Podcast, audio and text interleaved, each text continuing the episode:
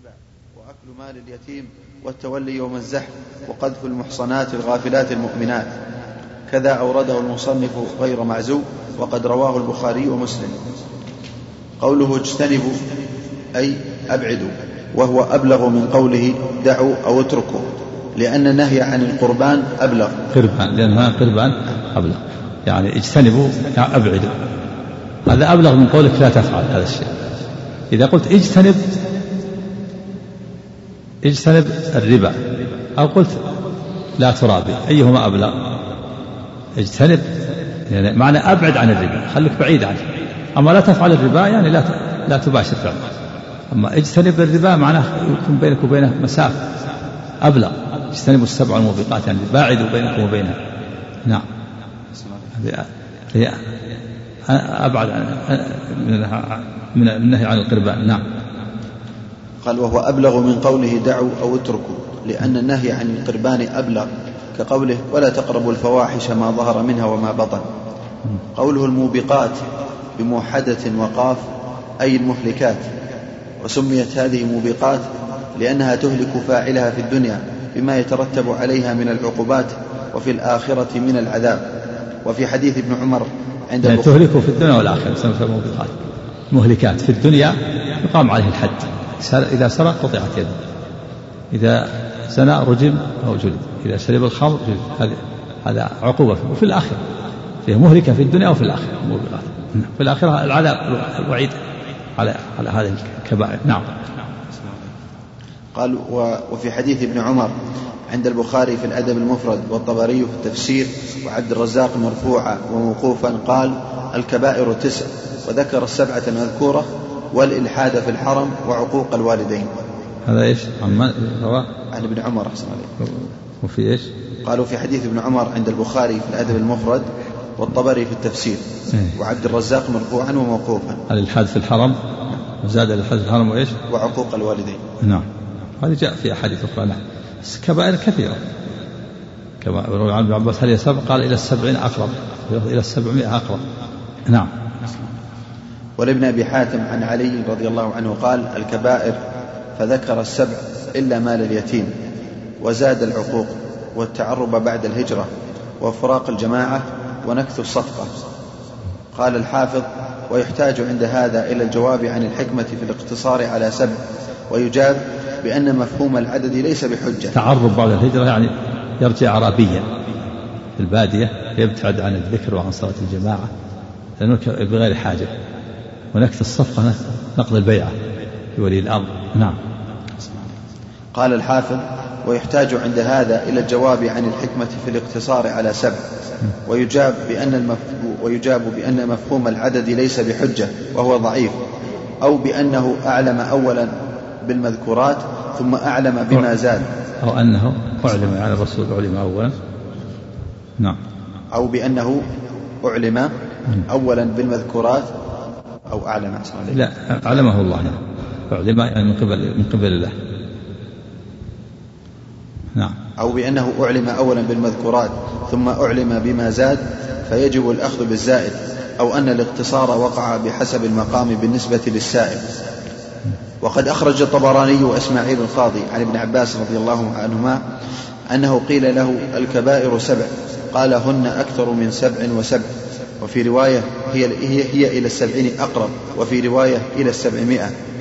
قوله قال الشرك بالله هو أن يجعل لله ندا يدعوه كما يدعو كما يدعو الله ويرجوه كما يرجو الله ويخافه كما يخاف الله وبدأ به لأنه أعظم ذنب عصي الله به كما في الصحيحين عن ابن مسعود رضي الله عنه قال سألت النبي صلى الله عليه وسلم أي الذنب أعظم عند الله؟ قال أن تجعل لله ندا وهو خلقك الحديث. وأخرج الترمذي سنده عن صفوان بن عسال قال قال يهودي لصاحبه اذهب بنا إلى هذا النبي. فقال له صاحبه لا تقل نبي إنه لو سمعك لكان له أربع أعين. فأتى يا رسول الله صلى الله عليه وسلم فسألاه عن تسع آيات بينات. فقال رسول الله صلى الله عليه وسلم لا تشركوا بالله شيئا ولا تسرقوا ولا تزنوا. ولا تقتلوا النفس التي حرم الله إلا بالحق ولا تمشوا ببريء إلى ذي سلطان ليقتله ولا تسحروا ولا تأكلوا الربا ولا تقذفوا محصنة ولا تولوا ولا تولوا الفرار يوم الزحف وعليكم خاصة اليهود ألا تعتدوا في السبت. قال فقبل يديه ورجليه وقال نشهد أنك نبي الحديث وقال حسن صحيح. هذا؟ الترمذي يقول نعم عليك إيش السند؟ ذكر قال أخرج الترمذي بسنده عن صفوان بن عسان هنا ذكر السند الآن. ما ذكر السند؟ ما ذكر. قال حسن صحيح. وفيه أن قبل يديه ورجليه تقبيل اليدين والرجلين نعم. فقرهم على ذلك. نعم. أنا لا بأس بالتقبيل بعض الأحيان أو أو للعالم الكبير أو للوالد. نعم. يعني. لو فعل هذا بعض الأحيان. من العلماء من أنكر التقبيل مطلقة منه ابن الوردي. قال ابن الوردي يقول قطع اليد أحسن من تقبيلها قال أنا لا أختار تقبيل يد قطعها أجمل من تلك القبل. نعم. ورد أنها شبهت أنها السجدة الصغرى. نعم. قال لكن حجة الحديث ما أنكر عليه النبي صلى الله عليه وسلم. إذا صح الحديث. نعم. ها؟ إيه؟ إذا يحتاج إلى تأمل مراجعة. إذا صح يكون حجة. نعم. يكون أسلم بهذا نعم. خلف الإسلام. لا ما يلزم. إيه؟ إذا شهد فأنه نبي ولكن ما اتبعه ما ينفع. ما تكفي الشهادة.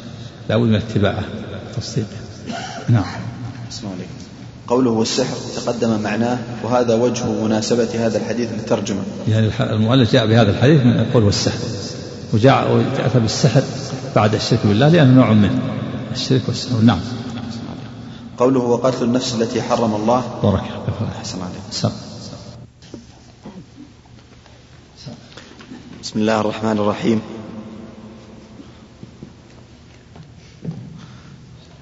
الحمد لله رب العالمين وصلى الله وسلم وبارك على نبينا محمد وعلى آله وصحبه أجمعين. اللهم صل قال الشيخ عبد الرحمن بن حسن رحمه الله تعالى قوله وقتل النفس التي حرم الله أي حرم قتلها إلا بالحق أي بأن يفعل ما يوجب قتلها كالشرك والنفس بالنفس والزاني بعد الإحصان.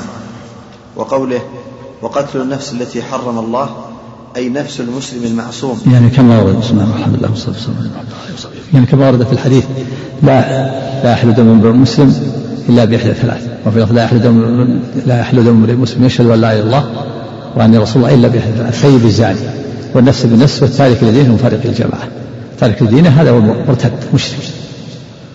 فالمشرك مرتد عن دينه يستحق القتل. من قبل ولاة الأمور من بدل دينه فاقتلوه. والثاني القاتل. عمدا عدوانا يقتص منه إذا ثبت عليه من قبل ولاة الأمور. والثالث الزاني المحصن يرجم بالحجارة حتى يموت. إذا انتهى الحد لكن هذا من قبل ولاة الأمور اللي يقيم الحدود ليس سائر الناس إنما هذا من قبل ولاة الأمور. نعم. هو اللي يمكن الولي من القصاص واللي يقيم عليه الحد هو اللي يستتيب المشرك. ثم يقتل. نعم. وقوله وقتل النفس التي وقتل النفس التي حرم الله أي نفس المسلم المعصوم وقتل المعاهد كما في الحديث من قاتل معاهدا لم يرح رائحة الجنة. من قتل؟ من قتل معاهدا نعم. لم يرح رائحة الجنة. نعم يعني بينه وبين المسلمين عهد. مثل الذمي اليهود والنصارى الذين يعيشون بين المسلمين ويدفعون الجزية. وكذلك المستأمن الذي دخل بأمان. هؤلاء دماءهم معصوم. أما الكافر الحربي بينه حرب وقتال هذا هذا ليس له أمان يقتل. ماله حلال ودمه حلال. وهو اللي جاء فيه النصوص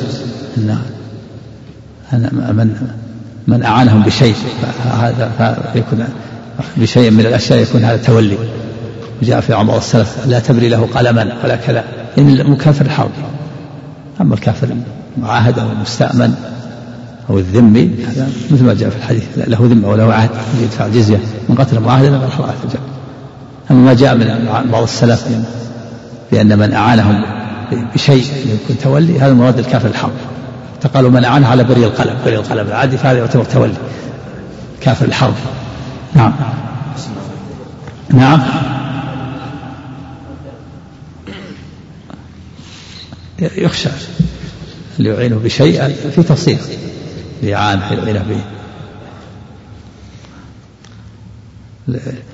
التولي توليهم ردة خلال والموالاة كبيرة. تولي المحبة وينشأ عنها الإعانة بالمال أو بالسلاح أو بالرأي أما الموالاة فهي كبيرة من كبائر الذنوب. وعشرة وصدقة نعم. قال واختلف العلماء في من قتل مؤمنا متعمدا هل له توبة أم لا؟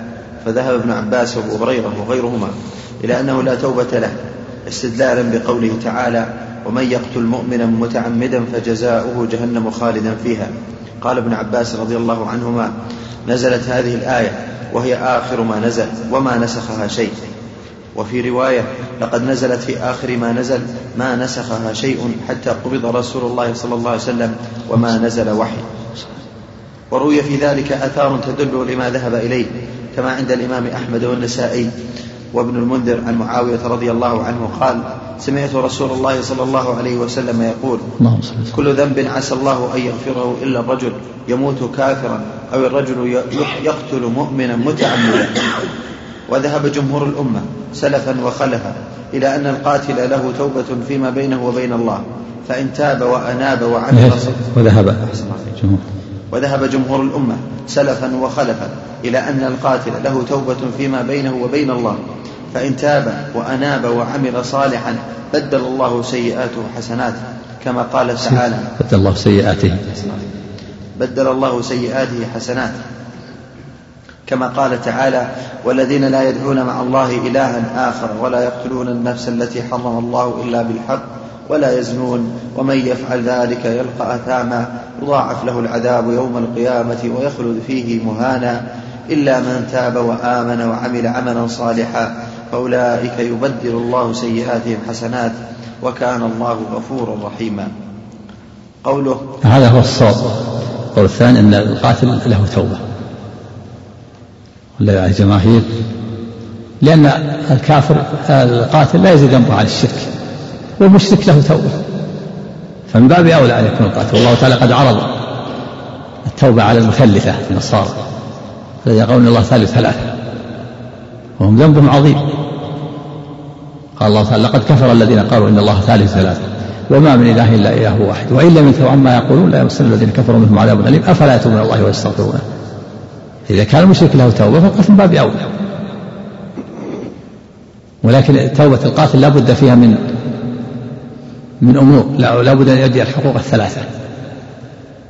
الحق الأول حق أولياء القتيل يسلم نفسه إليهم فيصطلحون معه إما أن يقتصوا منه يقتلوه أو يصلحوا على الدية أو يعفو عنه مجانا هم بالخير.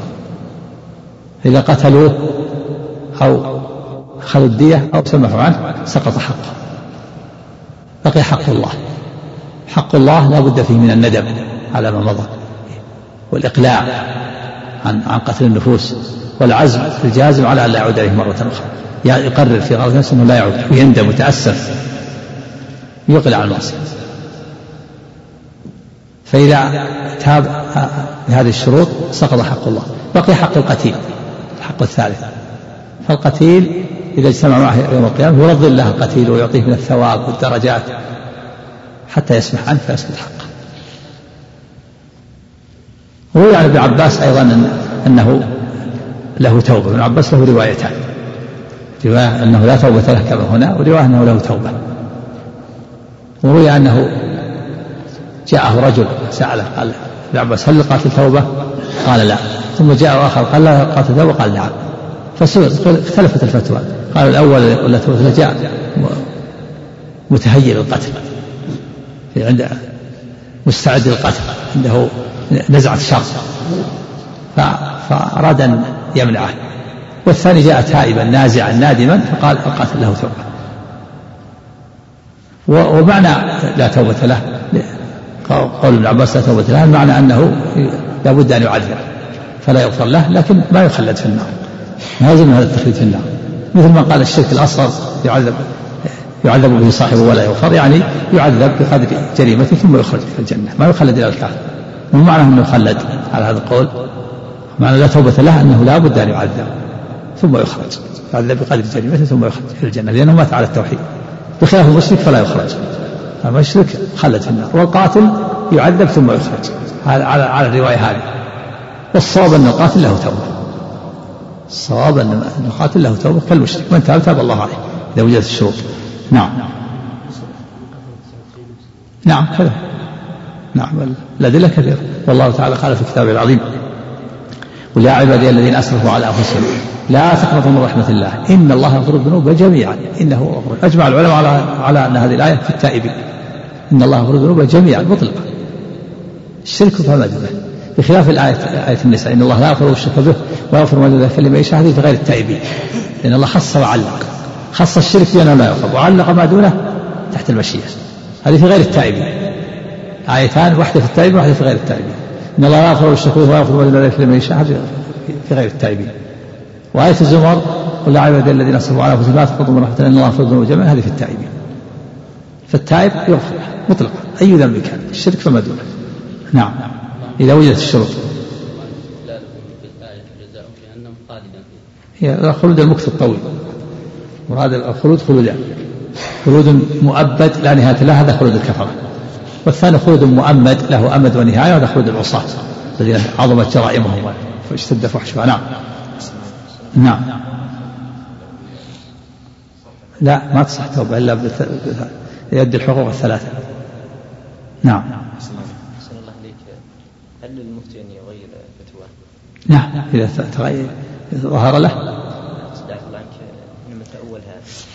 إنما سئل المرة الأولى فقال لا والمرة الثانية قال نعم عمر رضي الله عنه قضى في مشركة بقضائه. قال هذا على ما قضي على ما مرة شرك الإخوة هذا شق مع الخلف ومرة أسقطه والإمام أحمد له في المسألة سبع روايات سعة علمه والأخيرة هي هي يعني هي المعتمدة لكن ينقلها الأصحاب ثم يرجحون بينها لا يعلمون المتقدم الأولى من الثانية. نعم. يرجع المفتي يرجع. إذا تبين له يرجع. لأنه ما ما بيفتي بالهوى يفتي حسب الدليل. تبين له الدليل يرجع نعم. نعم. ثابت إيش؟ حسب ما يظهر من الأدلة. يفتي حسب ما يظهر نعم. قوله ومن يقتل مؤمنا متعمدا فقد قال أبو هريرة رضي الله عنه وغيره هذا جزاؤه إن جازاه. نعم. هذا جزاؤه إن جازاه. يعني وإن عفى عنه تحت المشيئة. هو تحت المشيئة مثل مثل غيره من أصحاب المعاصي. لأن الله يقول إن الله لا يغفر ويشرك به ويغفر ما دون ذلك لمن يشاء. فإن شاء الله يغفر له غفر له وإن شاء أن يجازه جازه بهذا. نعم. قال من؟ هذا جزاء جزاه فقد قال أبو هريرة رضي الله عنه وغيره. نعم. هذا جزاؤه إن جازاه نعم. وقد روي عن ابن عباس رضي الله عنهما لأن القاتل ما هو مشرك موحد. الحجاج بن يوسف أسرع في القتل قتل آلاف. وقال قتل سعيد بن جبير يقال له رؤية في المنام وسئل عن حاله بعد موته. ماذا فعل الله؟ قال إن الأمر عظيم شديد. قال قتلت بكل واحد قتله إلا سعيد بن جبير.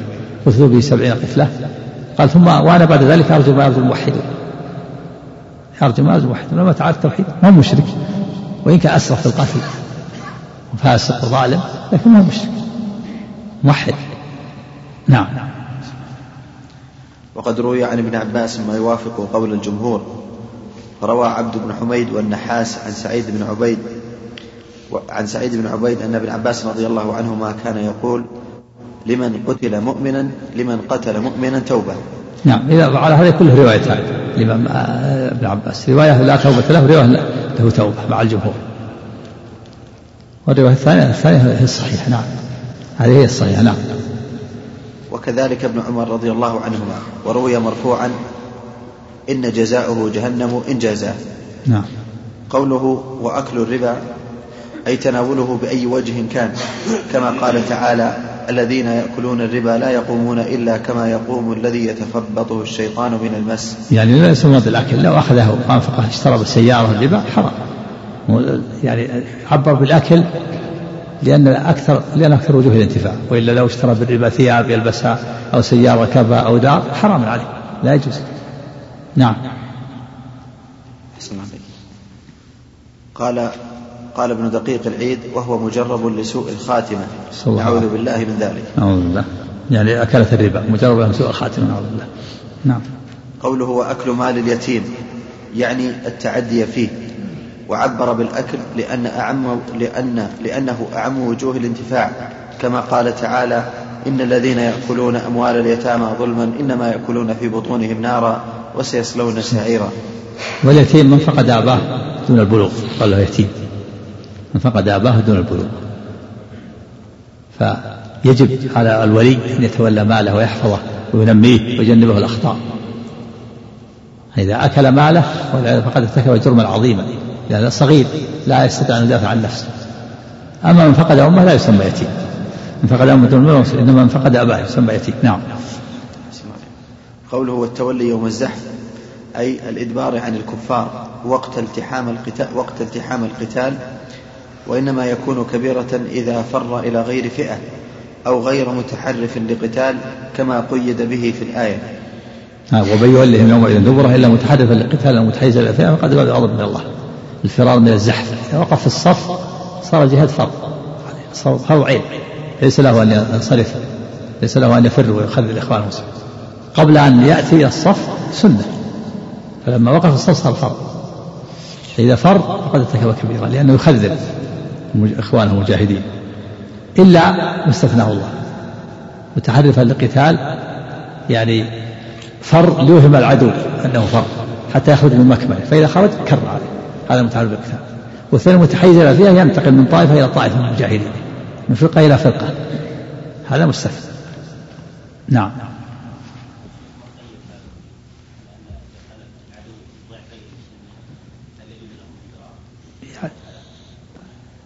هذا مثل ما قيل في الآية قال أن يكون منكم عشرون صابرون يغلبوا مئتين خف الآن خفان خف الله عنكم وعلم أن فيكم ضعف فإن يكن منكم مثل صبر يغلب مثل في الأول يجب على الواحد أن يقف أمام عشرة ثم خفف الله صار الواحد يقف أمام اثنين.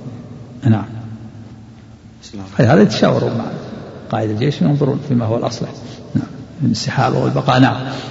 قوله وقذف المحصنات الغافلات المؤمنات وهو بفتح الصاد المحفوظات من الزنا وبكسرها الحافظات فروج فروجهن منه.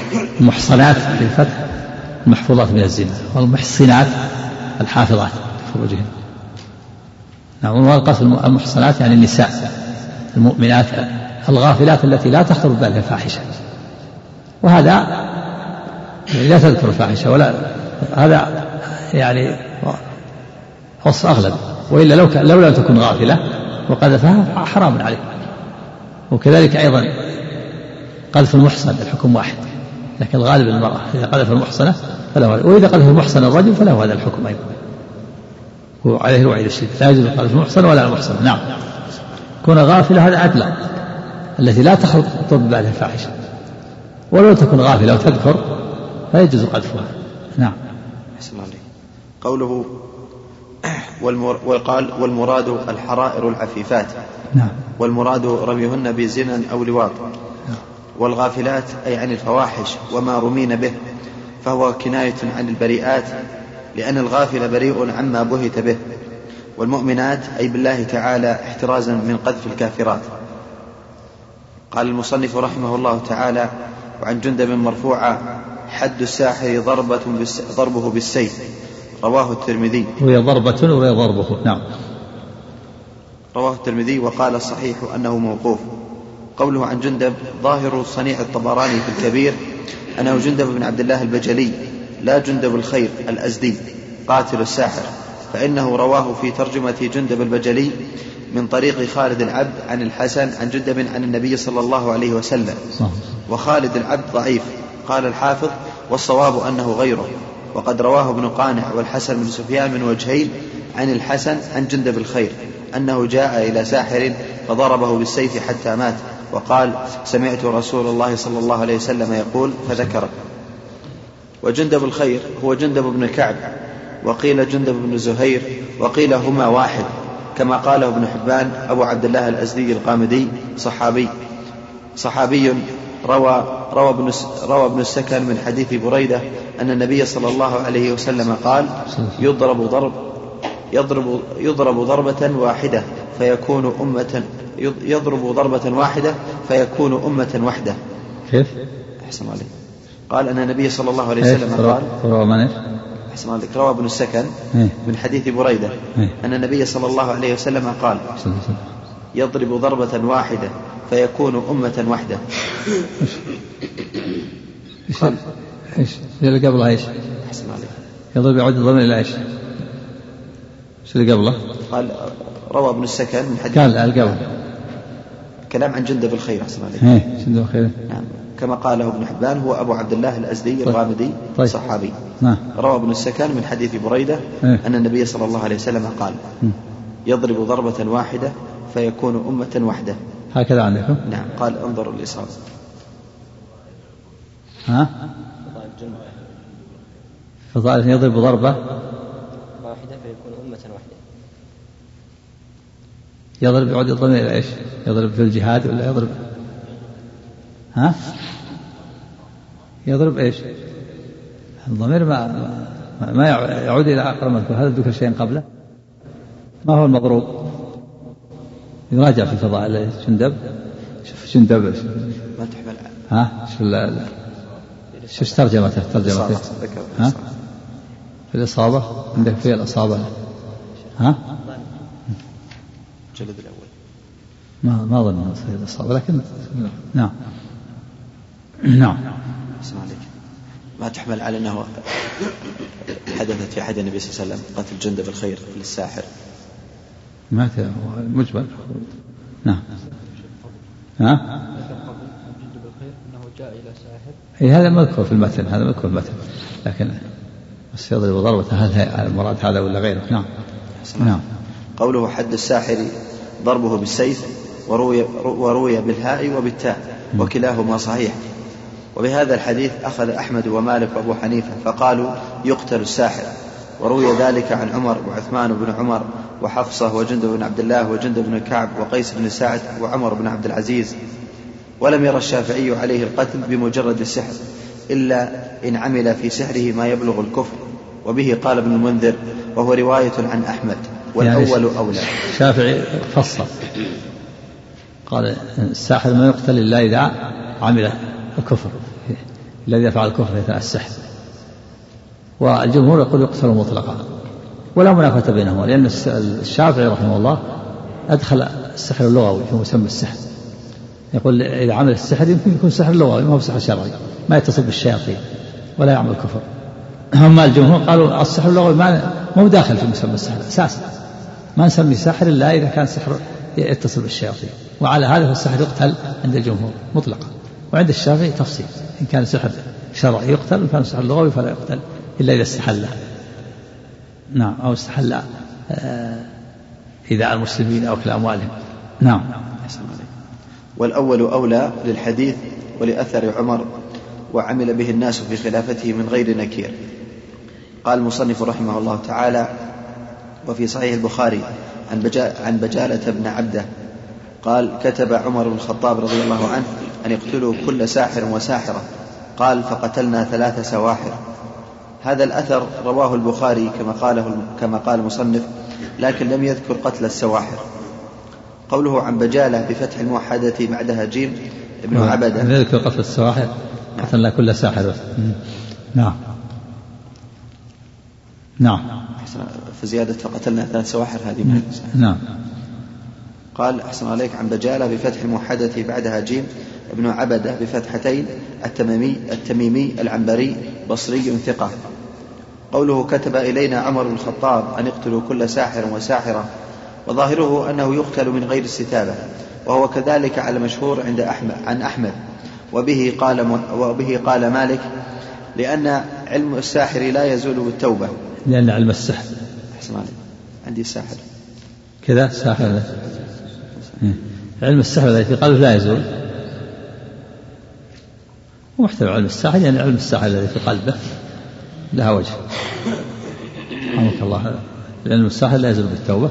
على هذا القول فلا فلا يستتاب لا بد من قتله. إلا إذا سلم نفسه قبل أن يقدر عليه. يكون حكم حكم المحارب إلا الذين تابوا من قبل أن تقدروا عليه. إن سلم نفسه دليل على توبته هذا. أما إذا قبضنا عليه ثم ادعى التوبة فلا لا بد من قتله حتى لا يتجرى الناس على هذا السحر على على هذا الكفر الغليظ.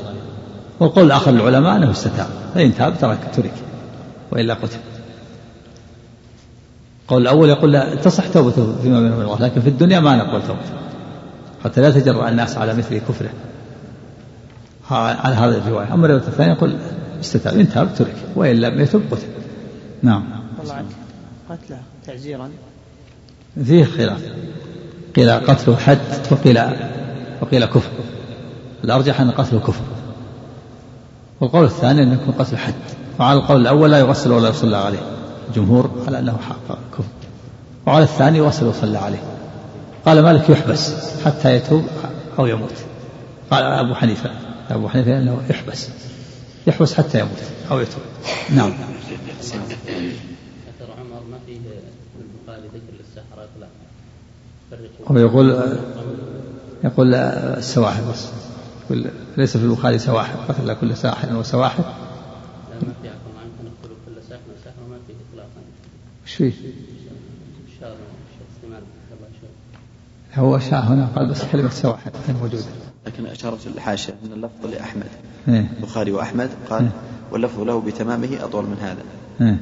في في المسند. أحسن عليك. لكن ال- الصدق قال ليس فيه في البخاري سواحل قال في شرح أحسن عليك هذا الأثر رواه البخاري كما قال المصنف لكن لم يذكر قتل السواحل. السواحل. ظاهره أنه ذكر قتل الساحل.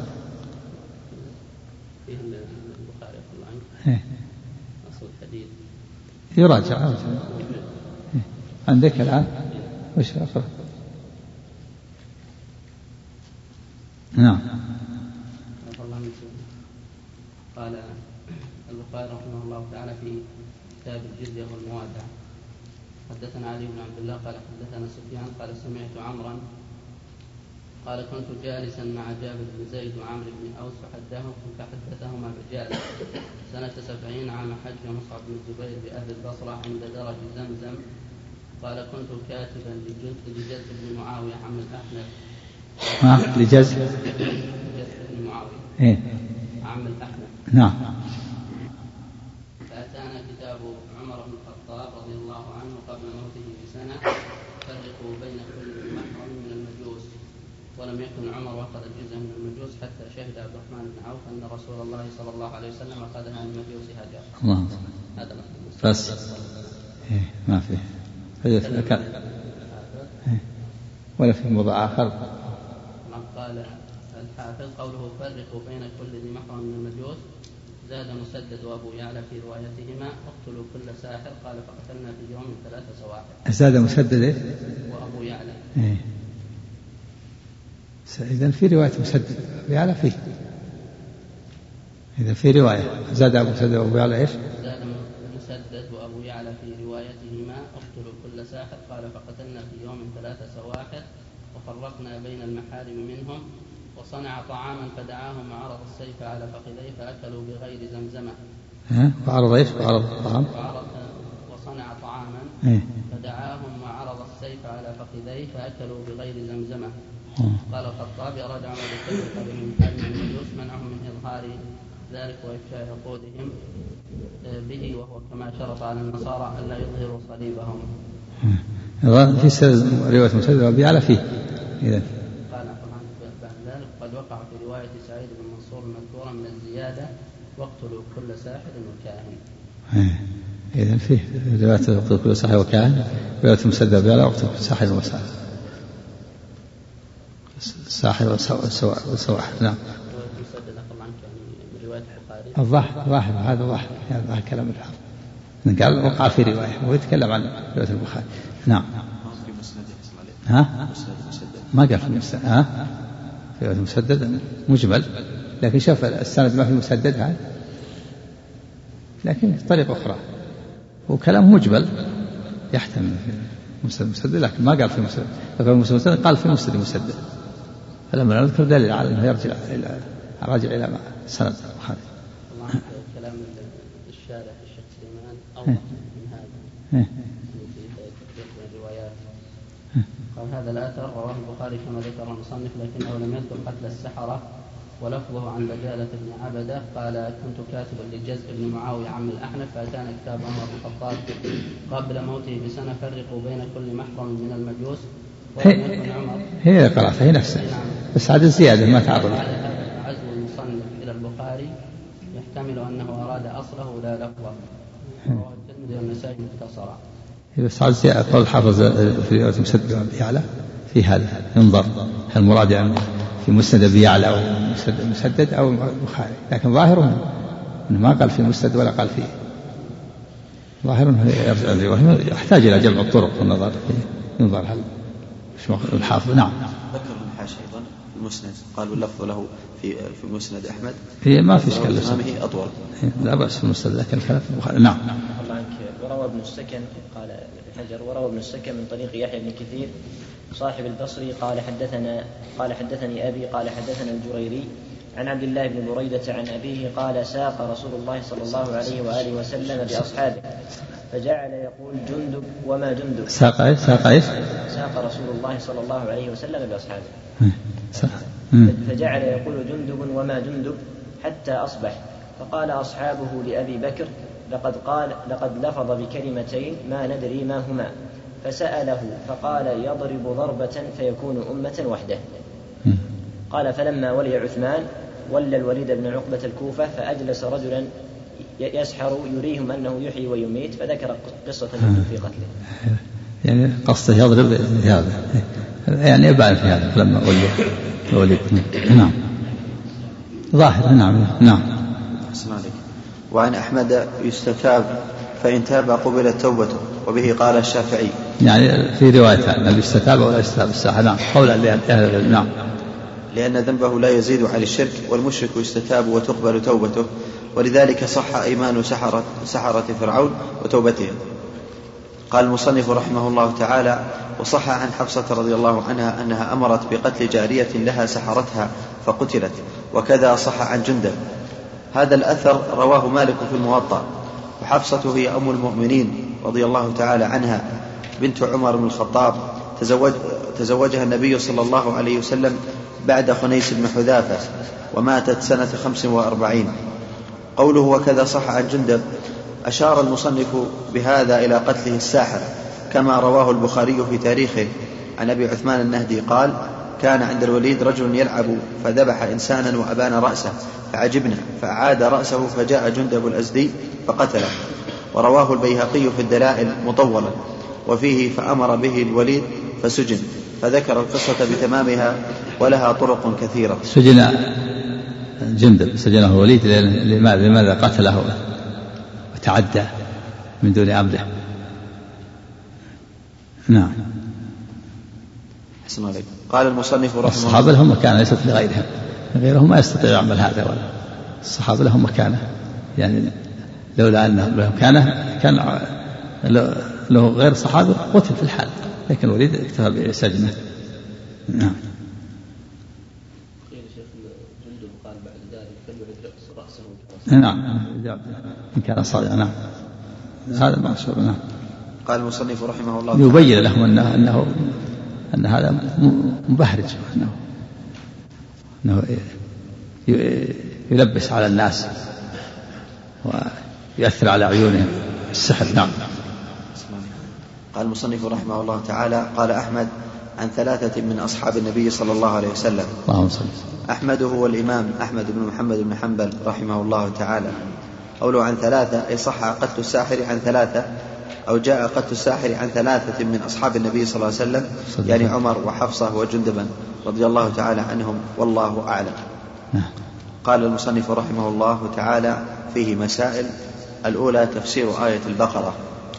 لقد علموا لمن اشتراه ما له في الآخرة من خلاق. يعني اليهود علموا أن الساحر ليس له عند الله من نصيب. نعم. الثانية تفسير آية النساء ألم ترى الذين أوتوا نصيبا من الكتاب يؤمنون بالجبت والطاغوت؟ هذا الكتاب اليهود والنصارى. الجبت يدخل فيه السحر كل ما لا خير فيه. وأنه من أعمال السحر من أعمال اليهود. نعم من أخلاقهم نعم. الثالثة تفسير الجبت والطاغوت والفرق بينهما. نعم. أن الجبت عام. الطاغوت كل ما عبد من دون الله. كل ما تجاوز به العبد حده والجبت أصل كل ما لا خير فيه. يدخل فيه السحر وغيره. نعم. الرابعة أن الطاغوت قد يكون من الجن وقد يكون من الإنس. الطاغوت قد يكون من الجن وقد يكون من الإنس. نعم إذا تجاوز حده فهو طاغوت سواء من الجن أو من الإنس. رضي بعبادة غير الله ودعا إلى عبادة نفسه. نعم. لو حكم بغير ما أنزل الله طاغوت من الجن أو من الإنس. نعم. الخامسة معرفة السبع الموبقات المخصوصات بالنهي. نعم كما في الحديث وأولها الشرك ثم السحر. نعم. السادسة أن الساحر يكفر.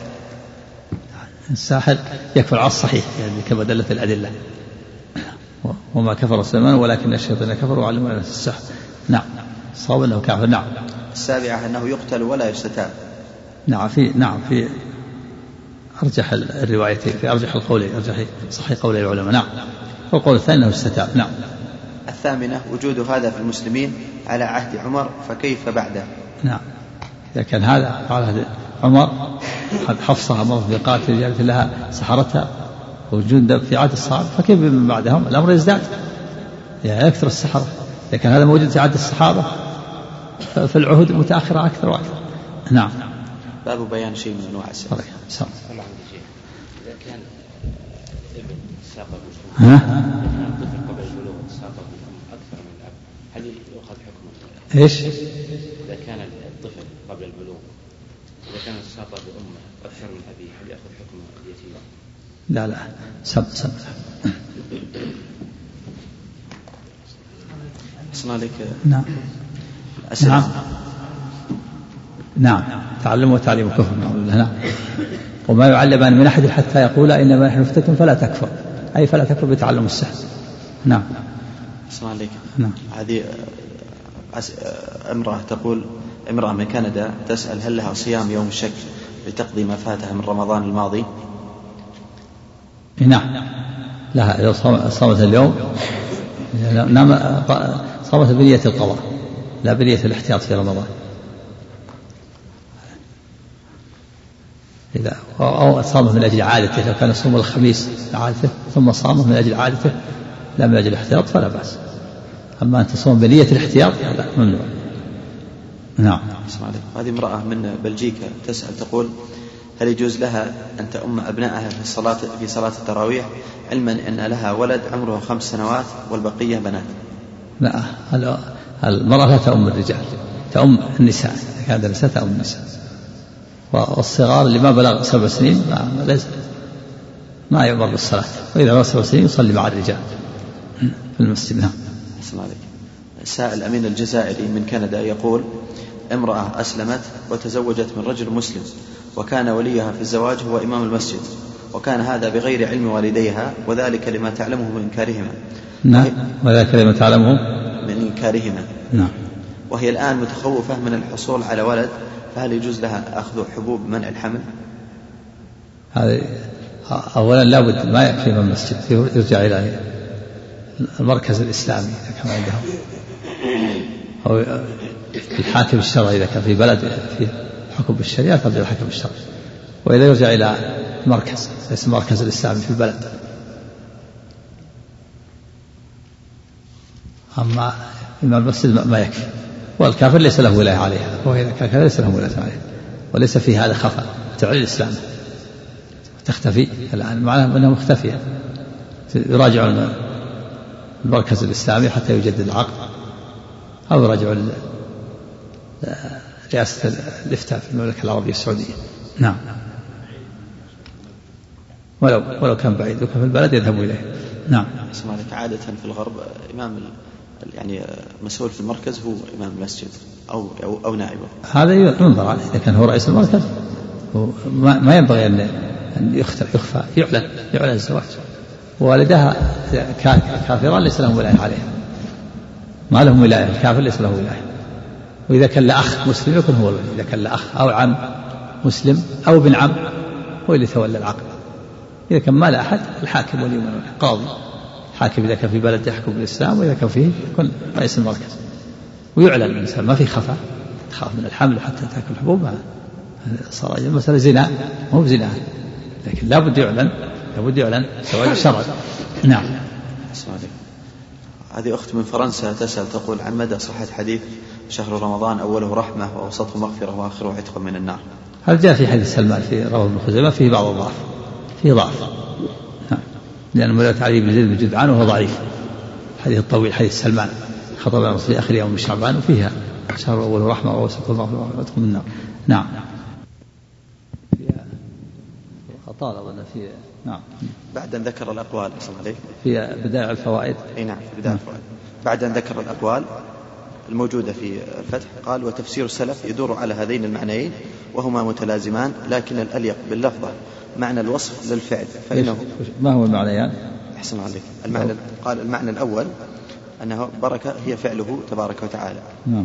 والثاني تضاف إليه إضافة الرحمة والمغفرة. ها؟ بركة فعله والثاني بركة تضاف إليه. نعم. إضافة الصفة الموصول نعم. نعم ثم قال وتفسير السلف يدور على هذين المعنيين وهما متلازمان لكن الأليق باللفظة معنى الوصف للفعل فإنه فإنه فعل لازم مثل مثل مثل تعالى وتقدس وتعاظم. ومثل هذه الألفاظ ليس معناها أنه أنه جعل غيره عاليا ولا قدوسا ولا عظيما. هذا مما لا يحتمله اللفظ بوجه وإنما معناها في نفس وإنما معناها في نفس من نسبت إليه فهو المتعالي المتقدس. فكذلك تبارك لا يصح أن يكون معناها بارك في غيره وأين أحدهما من الآخر لفظا ومعنى. هذا لازم وهذا متعد. فعلمت أن من فسر تبارك بمعنى ألقى البركة وبارك في غيره لم يصب معناها وإن كان هذا من لوازم كونه متباركا فتبارك من باب مجد. والمجد كثرة صفات الجلال والسعة والفضل وبارك من باب أعطى وأنعم.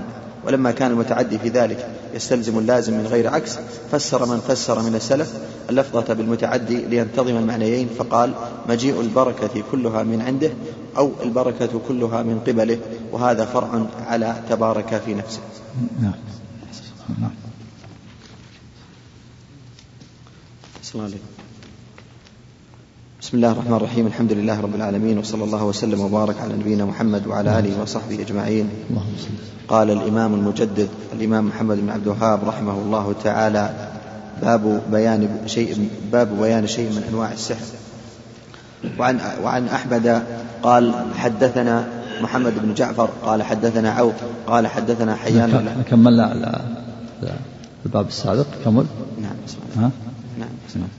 نعم قال أحمد رحمه الله حدثنا محمد بن جعفر قال حدثنا عوف قال حدثنا حيان بن العلاء قال حدثنا قطن بن قبيصة عن أبيه أنه سمع النبي صلى الله عليه وسلم يقول إن. إن إن العيافة والطيرة إن العيافة آه، أن أنه سمع النبي صلى الله عليه وسلم يقول إن العيافة والطيرة والطرق والطيرة من الجبت. قال قال عوف العيافة زجر الطير والطرق الخط يخط في الأرض والجبت قال الحسن والجبت قال الحسن رنة الشيطان. رواه آه، رواه رواه أبو داود والنسائي وابن حبان في صحيحه المسند منه. إسناده جيد و وإسناده جيد ورواه و... إسناده جيد. ولأبي داود. نعم ولأبي داود والنسائي وابن, حب وابن حبان في صحيحه المسند منه. ولابن عباس وعن ابن عباس رضي الله عنهما أن رسول الله صلى الله عليه وسلم قال من اقتبس شعبة من النجوم فقد اقتبس شعبة من من السحر زاد ما زاد. رواه آه، زاد ما زاد رواه أبو داود بإسناد جيد. وللنسائي من حديث أبي هريرة رضي الله عنه من عقد من عقد عقدة ثم نفث فيها فقد سحر ومن سحر فقد أشرك ومن تعلق شيئا وكل إليه. ولابن ع- وعن ابن مسعود رضي الله وعلى تقرأ ال- ال- هذا الدرس القادم. نقرأ البركة آخر البركة عشان نشوف كلام ابن القيم مع أحسن كاملا. كلام إيه؟ قوله تبارك وتعالى. نعم أحسن. لا أول شيء القراءة المتن.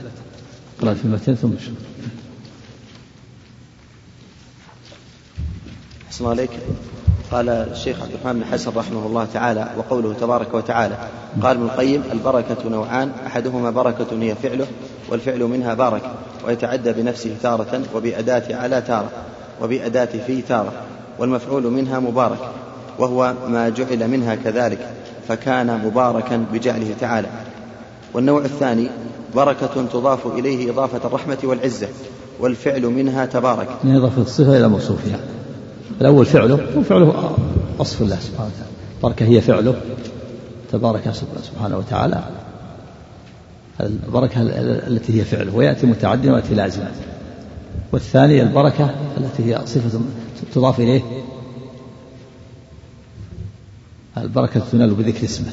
تضاف إليه إضافة الصفة إلى موصوفها. نعم. والثاني والنوع الثاني. أعد الأول. نعم. الأول. البركة نوعان. قال ابن القيم رحمه الله تعالى البركة نوعان أحدهما بركة هي فعله والفعل منها بارك ويتعدى بنفسه تارة وبأداة على تارة وبأداة في تارة والمفعول منها مبارك وهو ما جعل منها وهو ما جعل منها كذلك فكان مباركا بجعله تعالى. والنوع الثاني بركة تضاف إليه إضافة الرحمة والعزة والفعل منها تبارك ولهذا لا يقال لغيره ذلك ولا يصلح إلا له عز وجل فهو سبحانه المبارك وعبده ورسوله فهو سبحانه المبارك وعبده ورسوله المبارك كما قال المسيح عليه الصلاة والسلام وجعلني مباركا أينما كنت فمن بارك الله فيه وعليه فهو المبارك وأما صفته تبارك فمختصة به كما أطلقها على نفسه في قوله يعني وأما صفته كذا؟ نعم. وأما وأما صفته نعم. تبارك. فإذا تبارك هذه لا تطلق إلا على الله. تبارك.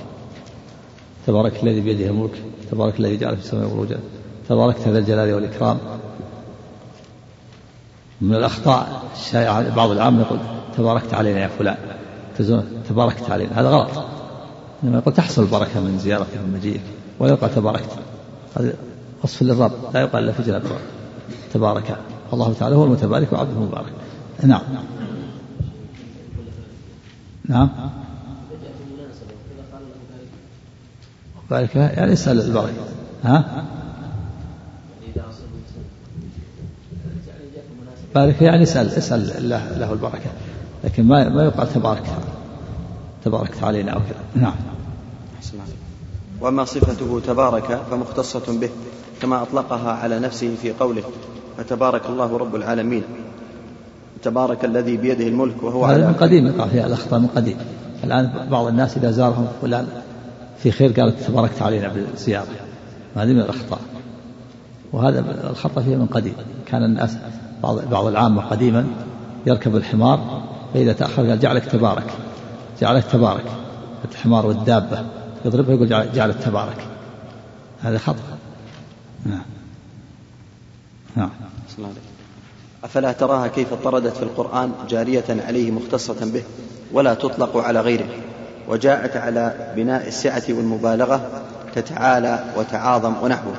فجاء بناء تبارك على بناء تعالى الذي هو دال على كمال العلو ونهايته. فجاء إيش؟ فجاء بناء تبارك. نعم فجاء فجاء بناء تبارك ك كتعالى وتعاظم ونحوه.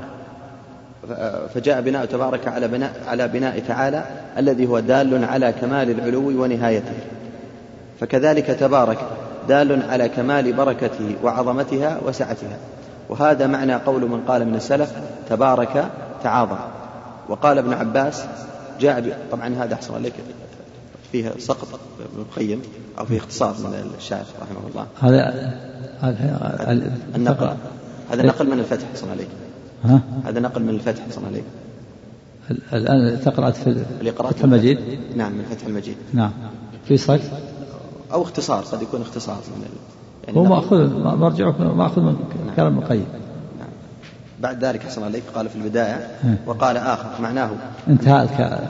موجود في الفتح؟ نعم حسن عليك وقال ابن عباس جاء بكل بركة. نعم. حسن عليك وفي البداية قال وقال آخر معناه أن تجيء البركات من قبله فالبركة نفس الكلام هذا موجود في الفتح كذا؟ حرفيا موجود. السابق موجود نعم. حرفيا. نعم. ثم قال بعد ذلك نعم. ثم قال بعدها لكن قوله وقال ابن عباس جاء بكل بركة هذه تأتي بعد. البداية وقال آخر معناه أن تجيء البركات من قبله فالبركة كلها منه وقال غيره كثرة خيره وإحسانه إلى خلقه.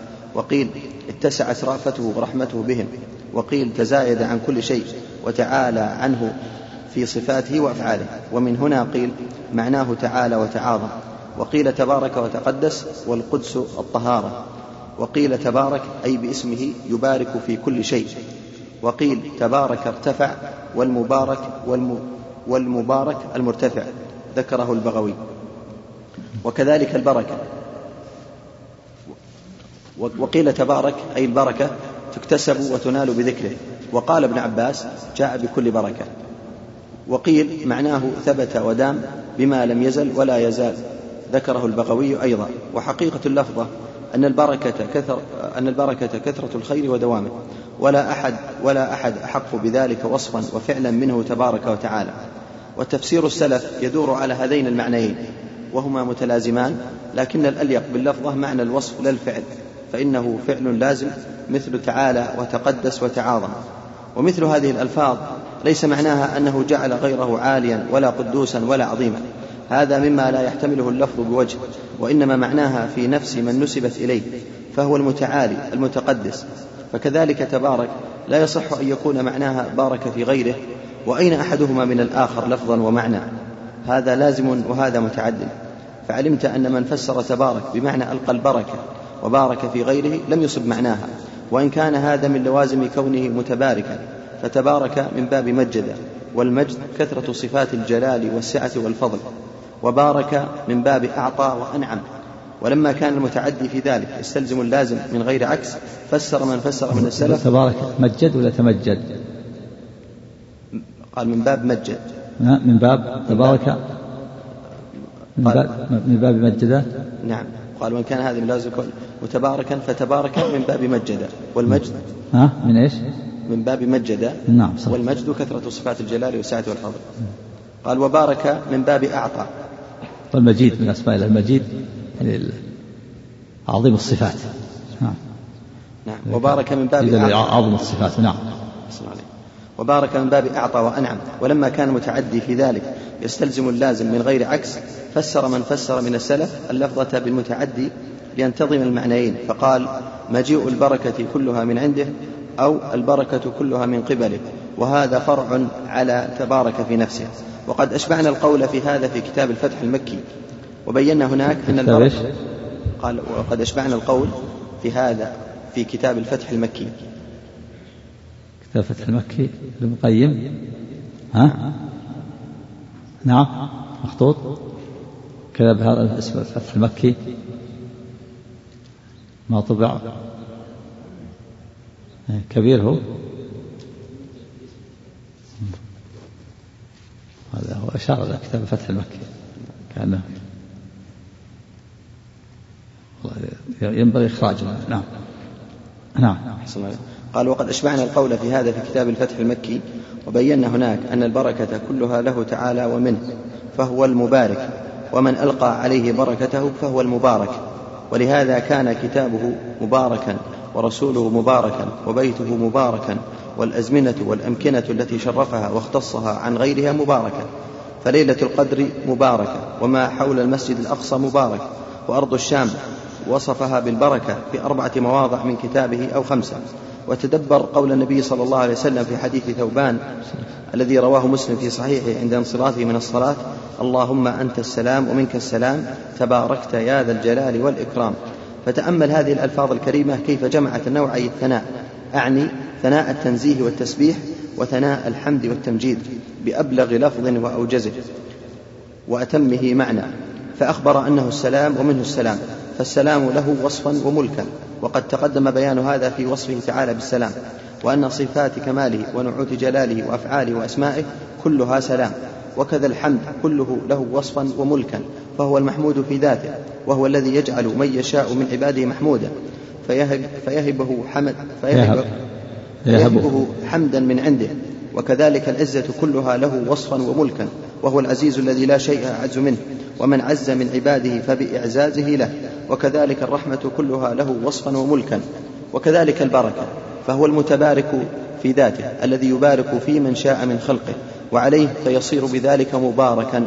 فتبارك الله رب العالمين وتبارك الذي له ملك السماوات والأرض وما بينهما وعنده علم الساعة وإليه ترجعون. وهذا بساط وإنما غاية معارف العلماء الدنو من أول حواشيه وأطرافه. وهذا بساط؟ وهذا بساط. وإنما غاية وإنما غاية معارف العلماء الدنو من أول حواشيه وأطرافه.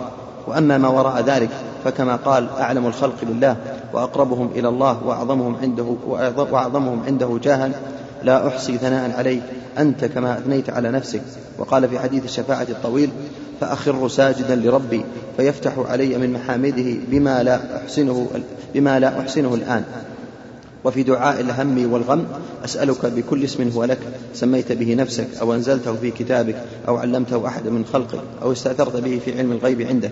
فدل على أن لله سبحانه وتعالى أسماء وصفات استأثر بها في علم الغيب عنده دون خلقه لا يعلمها ملك مقرب ولا نبي مرسل. وحسبنا الإقرار بالعجز والوقوف عند عندما أذن لنا فيه من ذلك فلا نغلو فيه ولا نجفو عنه. وبالله التوفيق. الله. يعني يقول ما فتح علينا هذا الشيء. شيء قليل مما مما لم نعلم هذا في أول في أول حواشي البساط طرف البساط البساط الذي يقرب إلى الملك مثلا وبعدها بعدها تأتي الكراسي وتأتي كذا. نحن الآن نقول في البساط اللي في المقدمة في حواشي البساط. وإلا فما يستحق الرب من الثناء والتمجيد والتعظيم والأسماء والصفات لا يعلمها إلا هو. ولهذا يفتح الله على نبيه أن يصل في يوم القيامة محامد لا يحسنها الآن. والبركة والله تعالى هو هو المتبارك وعبده المبارك. والبركة من الله سبحانه وتعالى. ولهذا قال الله تعالى عن عيسى أنه قال وجعلني مباركا. الله تعالى هو الذي جعله مباركا. وقال سيد بن حضير لعائشة لما نزلت آية التيمم ما هي بأول بركتكم يا آل أبي بكر؟ يعني البركة التي جعلها فيكم. فيقال للشخص مباركة وهذه من بركتك يعني إذا كان شخص في خير وهذه من بركتك يعني من بركتك التي جعلها الله فيك. ولا يقال تباركت علينا. نعم سم سم سم نعم. نعم. إيش؟ لأن هذا وصف الله خاص بالله. تبارك. نعم. نعم. يعني مثل مثل قول تحصل البركة. إذا كان شخص مبارك لا بأس. يعني تحصل البركة من زيارتك يعني. أو حصلت البركة نعم. نعم. كان يقول أطلب البركة. بركاتك يعني يطلب أطلب بركاتك يا فلان. لا إذا إذا قال إذا قال مثلا إذا جئت إلينا تحصل البركة أو أطلب البركة التي يجعلها الله فيك قد يقال. لكن النداء يعني ترك أولى. نعم.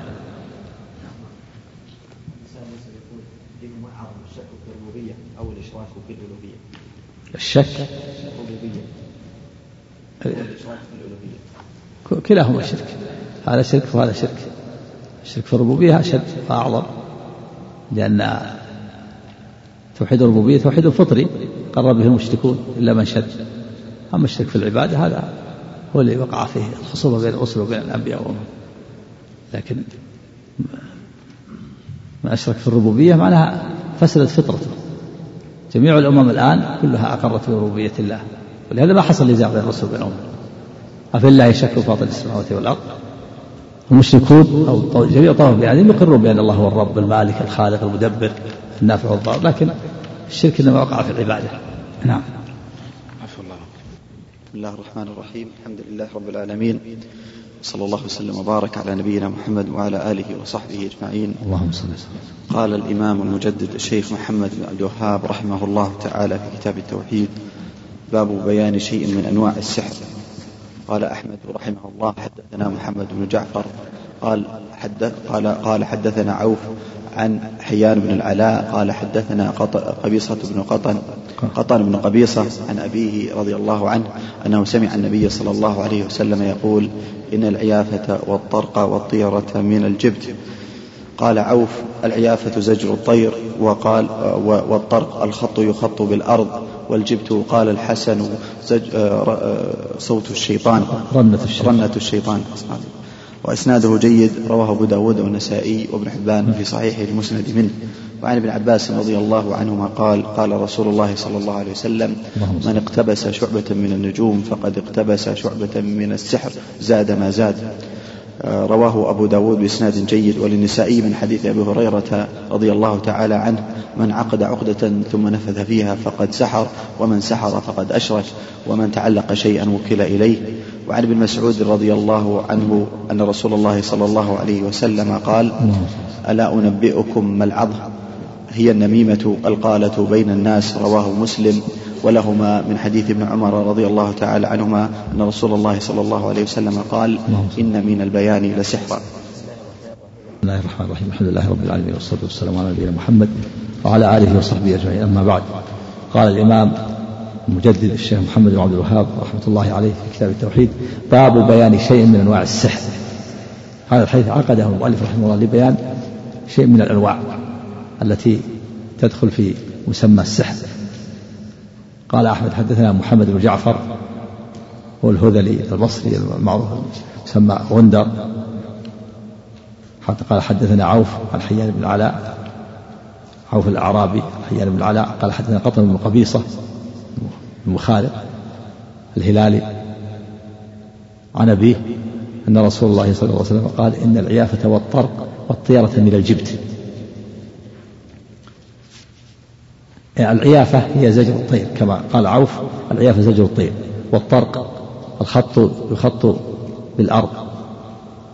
والجبت قال الحسن رونة الشيطان إسناده جيد.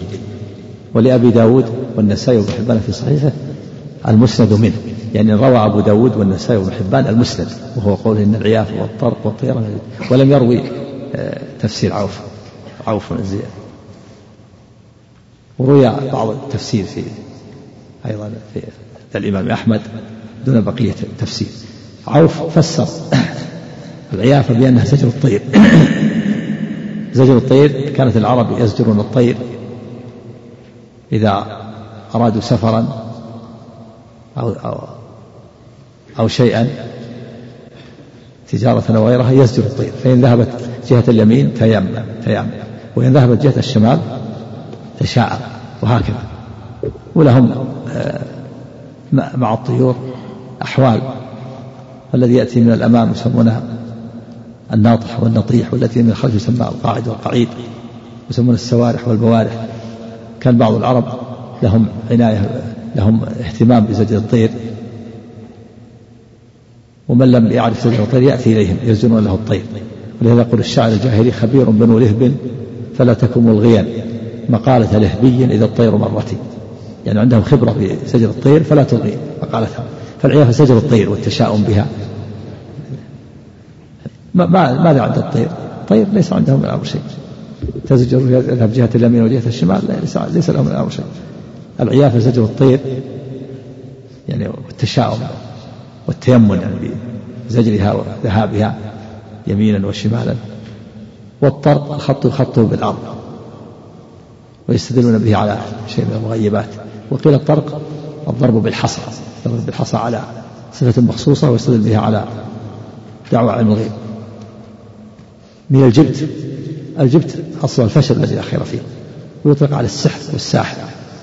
والمعنى أن هذه هذه الأمور مثل العيافة والطرق والطيار والطيار التشاؤم بالطيور تشاؤم بالطيور بأسمائها وبذهابها وبإيابها ويدخل في هذا التشاؤم بالمرئيات والمسموعات حتى من غير الطيور وبالبقاع وبالأشخاص. كل هذا داخل في الطيرة. تشم بالبقاع وبالأشخاص بالألفاظ بالأسماء وأصل التشاؤم بالطيور. فالعيافة وهي زجر الطير والطرق الخط الخط في الأرض أو الضرب بالحصى والطيرة كل هذا من الجبت. كل هذا من الجبت يعني نوع نوع من السحر ونوع من دعوى علم الغيب. وأصل السحر المادة السين والحاء والراء تدل على الخفاء فالسحر عبارة عما خفي ولطف سببه فهذه الأمور تشترك في السحر من جهة الخفاء لما فيها من دعوى علم الغيب. ولما فيها من من الدعاوي الكاذبة ولما فيها من التمويه على السامع بحيث, بحيث لا يتبين له. ففيها نوع من الخفاء وهي تشترك مع السحر لأن السحر أصله الشيء الخفي. ولهذا فإن هذه الأمور تدخل في في السحر من من هذا الباب. فالعيافة والطرق والطيرة من الجبت فالعيافة والطرق والطيرة والاقتباس من النجوم وغيرها إن اعتقد أنها مؤثرة بذاتها فهذا شرك أكبر وصاحبها كافر. مخلد في النار نعوذ بالله. وإن اعتقد أنها سبب فهذا شرك أصغر العيافة أن العيافة أو الطير بذاتها مؤثرة هذا شرك أكبر. وإن اعتقد أنها سبب فهو شرك أصغر ودخلت في, في السحر من جهة الخفاء من جهة أن دعوة علم الغيب من جهة الخفاء اشتراك كما أن السحر فيه خفاء عبارة عن خفي ولطف سببه ولطف سببه من العزائم والرقى والعقد. فكذلك أيضا العيافة والطرق والطيرة كلها فيها دعوة على الغيب عن طريق الخفاء. وعن ابن عباس رضي الله عنهما أن النبي صلى الله عليه وسلم قال من اقتبس شعبة من النجوم فقد اقتبس شعبة من السحر زاد ما زاد. رواه أبو داود وإسناده صحيح. اقتبس يعني تعلم تعلم شيئا من السحر. وأصل القبس أخذ القليل من النار واستدفأ به. قال الله تعالى عن موسى عليه الصلاة والسلام إذ رأى نارا فقال لأهله يمكثوا إني أنست نارا لعلي آتيكم منها بقبس أو أجد على النار هدى. والمراد يعني تعلم شعبة طائفة وجزء من الحياة شعبة من الإيمان يعني شيئا من السحر من النجوم. من اقتبس شعبة من النجوم فقد اقتبس شعبة من السحر. زاد ما زاد يعني كلما زاد يتعلم علم النجوم كلما زاد في, في الإثم.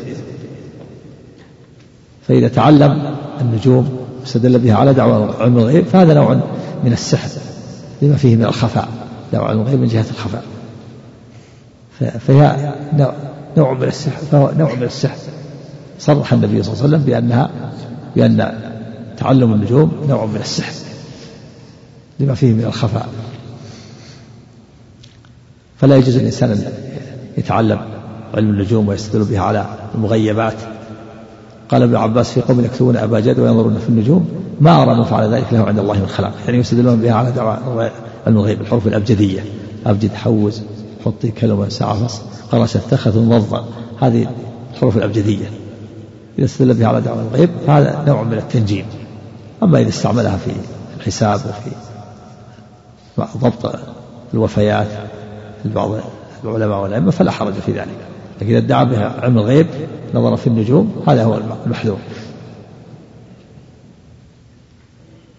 وللنسائي من حديث أبي هريرة رضي الله عنه من عقد عقدة ثم ثم نفث فيها فقد سحر ومن سحر فقد أشرك ومن تعلق شيء وكل إليه.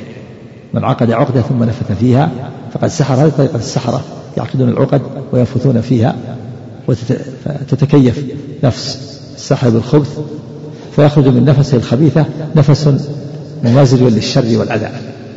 فيصاب المسحور بإذن الله الكوني القدري إذا قدر الله ذلك. فمن عقد عقدا ثم نفث فيها فقد سحر لهذه طريقة السحر. ومن سحر فقد أشرك. صريح لأن الساحر مشرك لكن الحديث فيه بعض الضعف. ولكن له شواهد. والصواب أن الساحر الذي يتصل بالشياطين مشرك كافر. لأنه لا بد أن يقع في الشرك. أما الساحر الذي سحره عن طريق الأدوية والتدخينات وسقي شيء يضر فهذا ليس فيه شرك لكن إذا استحل فإنه يكفر. استحل إلى الناس وأكل أموالهم بالباطل كفر لأن هذا أمر معلوم الدين بالضرورة تحريمه. ومن تعلق شيء وكل إليه من علق علق قلبه بالسحرة والشياطين وكله الله إليه. ومن علق قلبه بالله كفاه الله ما أهم في دينه ودنياه. تعلق بالسحرة أو بالجن أو بالشياطين أو بغير الله يخافه ويرجوه وكله الله إلى هذا الشيء الذي ومن علق قلبه بالله كفاه الله ما أهمه من أمر دينه ودنياه.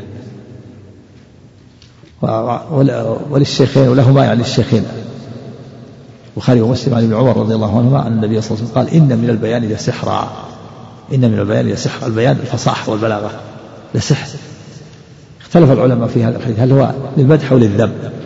فمن العلماء من قال إنه للمدح لأن البيان ممدوح. ومنهم من قال إنه للذم والمراد به قلب الحقائق ينقلب الحق باطلا والباطل حقا يموه على الناس.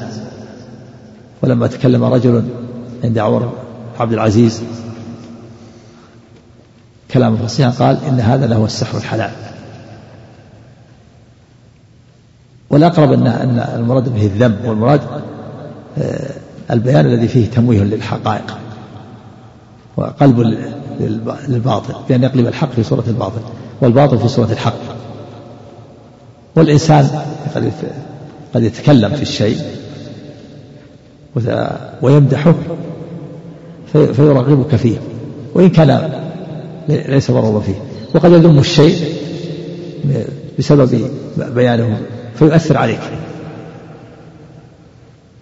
كما قال الشاعر تقول هذا مجاج آه، تقول هذا مجاج النحل تمدحه وإن تشاء قلت هذا قيء الزنابيل. مدحا وضما وما جاوزت وصفهما والحق قد يعتريه سوء تعبير. فإذا أراد الإنسان أن يذم العسل قال هذا قيء الزنابيل. قيء قيء تقيأته الزنابيل. وإذا أراد أن يمدح قال هذا مجاج النحل. هذا مجاج النحل.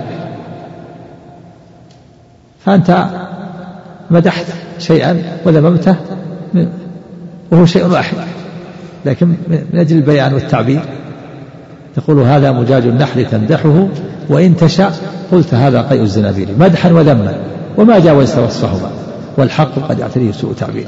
نعم سم. نعم. حديث ابن مسعود نعم. عن مسعود رضي الله عنه النبي قال ألا أنبئكم ما العظ هي النميمة أو قال بين الناس.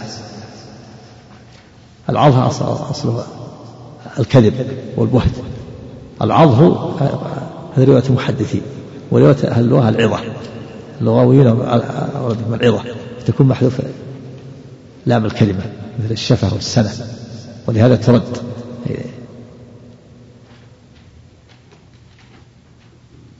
مثل واحد نعم العظ رواية المحدثين والعظة رواية اللغة.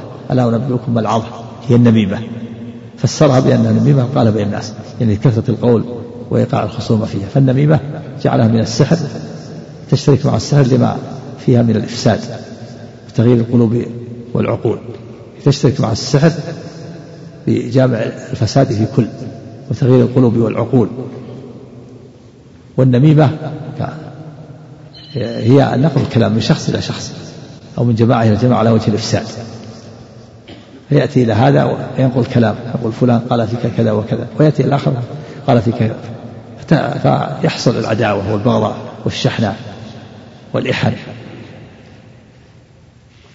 فهي سميت يعني سحر أو أخذت في باب السحر لأنها تشترك مع السحر في الإفساد. وتغيير القلوب والعقول.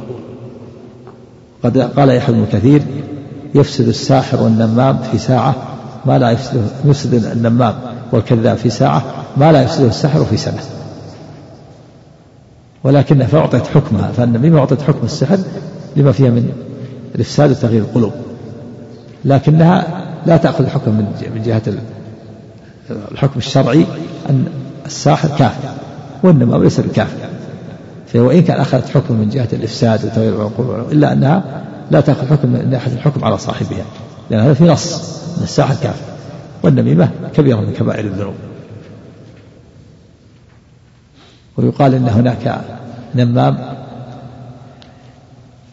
سعى في الإفساد وأراق دماء في وقت وجيز بسبب النميمة وهو أن هناك عبد يباع فاشتراه إنسان ويصوت البائع يقول إن ليس فيه عيب إلا أنه نمام هذا العبد. فتساهل الإنسان واشتراه. قال لا لا, لا بأس. ثم لما مضى اشتراه مضى مدة سعى في الإفساد بين الرجل وبين امرأته هذا العبد. فأتى إلى إلى الزوجة وقال يا سيدتي إن زوجك راغب عنك. وسوف يتزوج امرأة أخرى. وإن لي لك نصيحة. قال ماذا ماذا ترى؟ قال هناك طريقة لبقاء المحبة وعدم الزواج وهو أنك تأخذ شعرات من باطن لحيته إذا نام. وهذا مجرب ومعروف. فأثر عليها. ثم ذهب إلى الزوج وقال يا سيدي إن إن زوجتك رغبت عنك وتريد قتلك فإن لم تصدقني فتناوب لها. فتناوب تناوب لها فأخذت المقصة والسكين تأخذ الشعرات من حلقة فظن أنها تريد قتله فقام فقتلها. ثم جاء أهلها فقتلوه. ثم حصل القتال بين الحيين. وأريقت دماء بسبب هذا العبد النمام. وهذا معنى قول ابن كثير يفسد النمام في ساعة ما لا يفسده السحر في ساعة نسأل الله السلامة والعافية. نعم بسم الله الرحمن الرحيم. الحمد لله رب العالمين وصلى الله وسلم وبارك على نبينا محمد وعلى آله وصحبه أجمعين. قال الشيخ عبد الرحمن بن حسن رحمه الله تعالى قال المصنف رحمه الله تعالى باب بيان شيء من أنواع السحر. قلت ذكر الشارح هنا شيئا من الخوارق وكرامات الأولياء وذكر ما اغتر به كثير من الناس من الأحوال الشيطانية التي غرت كثيرا من العوام والجهال وظنوا أنها تدل على ولاية من جرت على يده ممن هو من أولياء الشيطان لا من أولياء الرحمن. ثم قال ولشيخ الإسلام إيش قلت إيش قلت؟ ذكر إيش؟ أحسن الله عليكم ذكر الشارح هنا شيئا من الخوارق وكرامات الأولياء. نعم. وذكر ما اغتر به كثير من الناس من الأحوال الشيطانية التي غرت كثيرا من العوام والجهال وظنوا أنها تدل على ولاية من جرت على يده ممن هو من أولياء الشيطان لا من أولياء الرحمن. نسأل الله العافية. بسبب التلبيس. يصير خوارق خوارق شيطانية. خوارق شيطانية ويظن أنها كرامات. وهي خوارق بسبب أعمال الشياطين. نعم. ثم قال قال لا تغتر بالشخص. وإن رأيته يطير في الهواء. أو يدخل النار. حتى تعرض أمره على الكتاب والسنة. قال الآخر لا تغتر به حتى وإن وإن طار في الهواء؟ وإن دخل؟ وإن غاص في البحار؟ وإن دخل النار؟ حتى يعرض على الكتاب والسنة. من الشياطين لها تصرفات؟ قد تحمل الإنسان من بلد إلى بلد. تحمل بعض الكهنة توصله إلى عرفة.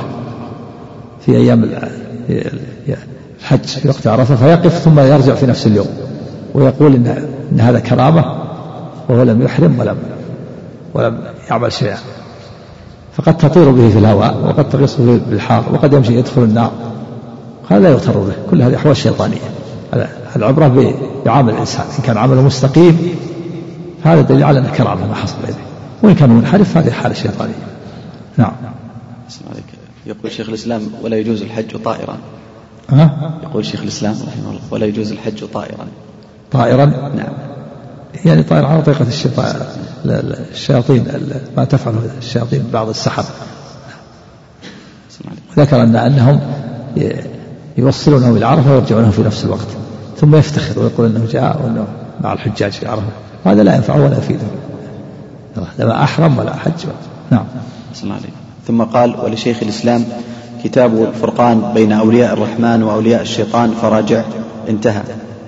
قال المصنف رحمه الله تعالى قال أحمد رحمه الله حدثنا محمد بن جعفر قال حدثنا عوف قال حدثنا حيان بن العلاء قال حدثنا قطن بن قبيصة عن أبيه رضي الله عنه أنه سمع النبي صلى الله عليه وسلم قال إن العيافة والطرق والطيرة من الجبت. قال عوف العيافة زجر الطير والطرق الخط يخط في الأرض والجبت قال الحسن رنة الشيطان إسناده جيد ولأبي داود والنسائي وابن حبان في صحيحه المسند منه. قوله قال أحمد. المسند أحسن نعم. وابن حبان في صحيح المسند منه. قوله قال أحمد هو الإمام أحمد بن محمد بن حنبل رحمه الله تعالى. ومحمد بن جعفر هو المشهور بغندر الهذلي البصري. ثقة مشهور. مات سنة ست ومائتين وعوف هو ابن أبي جميلة بفتح الجيم العبدي البصري المعروف بعوف الأعرابي. ثقة. مات سنة ست أو سبع وأربعين. وله ست وثمانون سنة. وحيان بن العلاء هو بالتحتية ويقال حيان بن مخارق أبو العلاء البصري مقبول وقطن بفتحتين أبو سهل البصري صدوق. قوله عن أبيه هو قبيصة بفتح أوله ابن مخارق بضم الميم أبو عبد الله الهلالي صحابي نزل البصرة. قوله إن العيافة والطرق والطيرة من الجبت قال عوف العيافة زجر الطير والتفاؤل بأسمائها وأصواتها وممرها وهو من عادة العرب. وكثر في أشعارهم. يقال عاف يعيف عيفا إذا زجر وحدث, وحدث وظن. قوله والطرق الخط يخط بالأرض كذا فسره عوف وهو كذلك.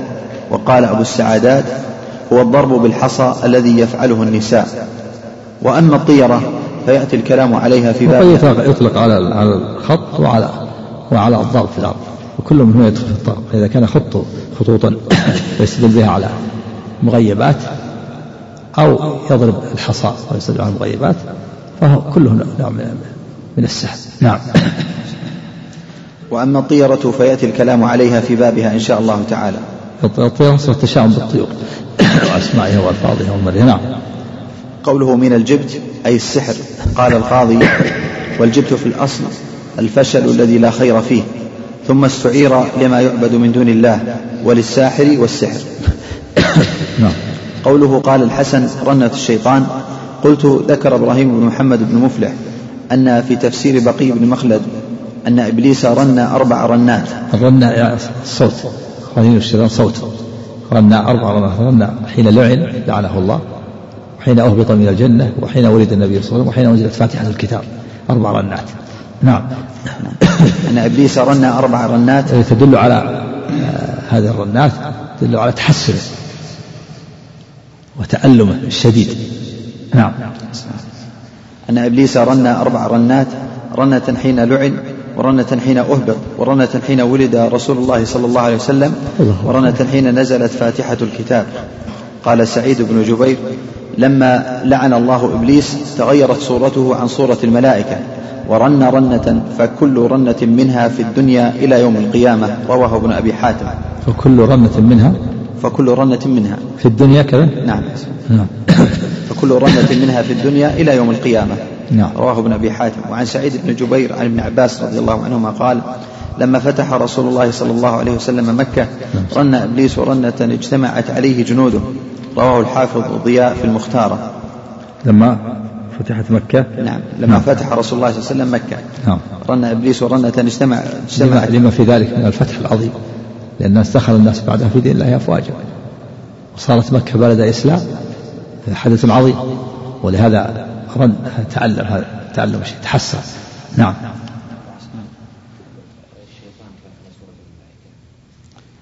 ظاهرة. انه كان معنا كان في الأول الشيطان كان يسمى السجاد جاء في بعض الآثار كان معهم. نعم. الرنين والصوت وقد رن يرن رنينا.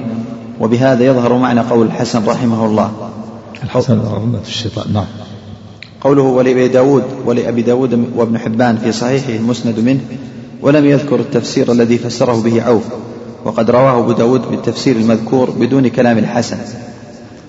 قال المصنف رحمه الله تعالى وعن ابن عباس رضي الله تعالى عنهما قال قال رسول الله صلى الله عليه وسلم من اقتبس شعبة من النجوم فقد اقتبس شعبة من السحر زاد ما زاد رواه أبو داود بإسناد صحيح. وكذا صححه النووي الذهبي ورواه أحمد وابن ماجه. قوله من اقتبس قال أبو السعدات قبست العلم واقتبسته إذا علمته انتهى. علمته قبست الشيء إذا علمته. أنت أيها المخاطب. قبست الشيء واقتبسته إذا علمته. نعم. قال قبست العلم واقتبسته إذا علمت إذا علمته انتهى. قوله قوله شعبة أي طائفة من علم النجوم والشعبة الطائفة ومنه الحديث الحياء شعبة من الإيمان أي جزء منه. قوله فقد اقتبس شعبة من السحر المحرم تعلمه. قال شيخ الإسلام فقد صرح رسول الله صلى الله عليه وسلم بأن علم النجوم بأن علم النجوم من السحر وقد قال تعالى ولا يفلح الساحر حيث أتى قوله زاد ما زاد أي كلما زاد من تعلم علم النجوم زاد في الإثم الحاصل بزيادة الاقتباس من شعبه فإن ما يعتقده في النجوم من التأثير باطل كما أن تأثير السحر باطل والله أعلم. نعم أعتقد أن النجوم لها تأثير في الأرض بغلاء الأسعار أو أو نزول الأمطار أو ذهاب الدول أو قيام دولة أو ذهاب دولة أو ولادة عظيم أو موت عظيم. كل هذا كل كل هذا من دعوة الغيب وهو شرك بالله عز وجل. شرك أكبر. نعم. قال المصنف رحمه الله تعالى وللنسائي من حديث أبي هريرة رضي الله عنه من عقد عقدة ثم نفث فيها فقد سحر ومن سحر فقد أشرك ومن تعلق شيئا وكل إليه. هذا الحديث ذكره المصنف من حديث أبي هريرة وعزاه للنسائي وقد رواه النسائي مرفوعا وحسنه ابن مفلح.